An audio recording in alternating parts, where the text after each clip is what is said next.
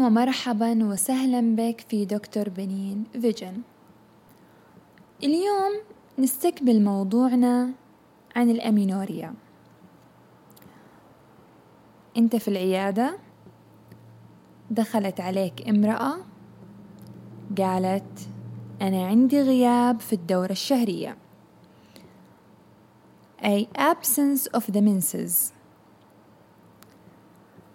فأنت حبيت تعطيها نبذة تثقيفية عن متى نقول أمينوريا فعلا ومتى نقول لا.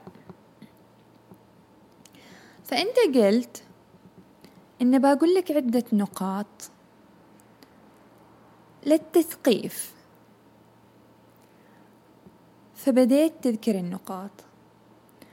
فقلت إن أول نقطة إن الدورة الشهرية تنزل بين واحد وعشرين إلى خمسة وثلاثين يوم. ومو أطول من خمسة وأربعين يوم. ثاني نقطة إن أول سنة أو سنتين من نزول الدورة طبيعي إن تكون غير منتظمة.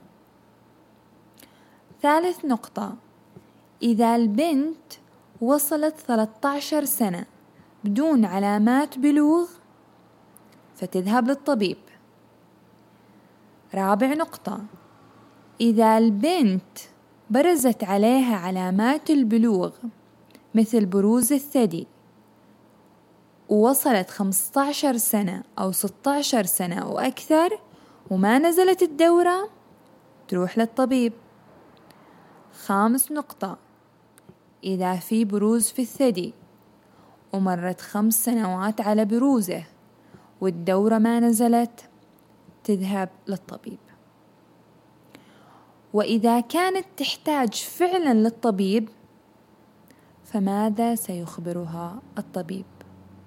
تابعونا في الملف الصوت القادم.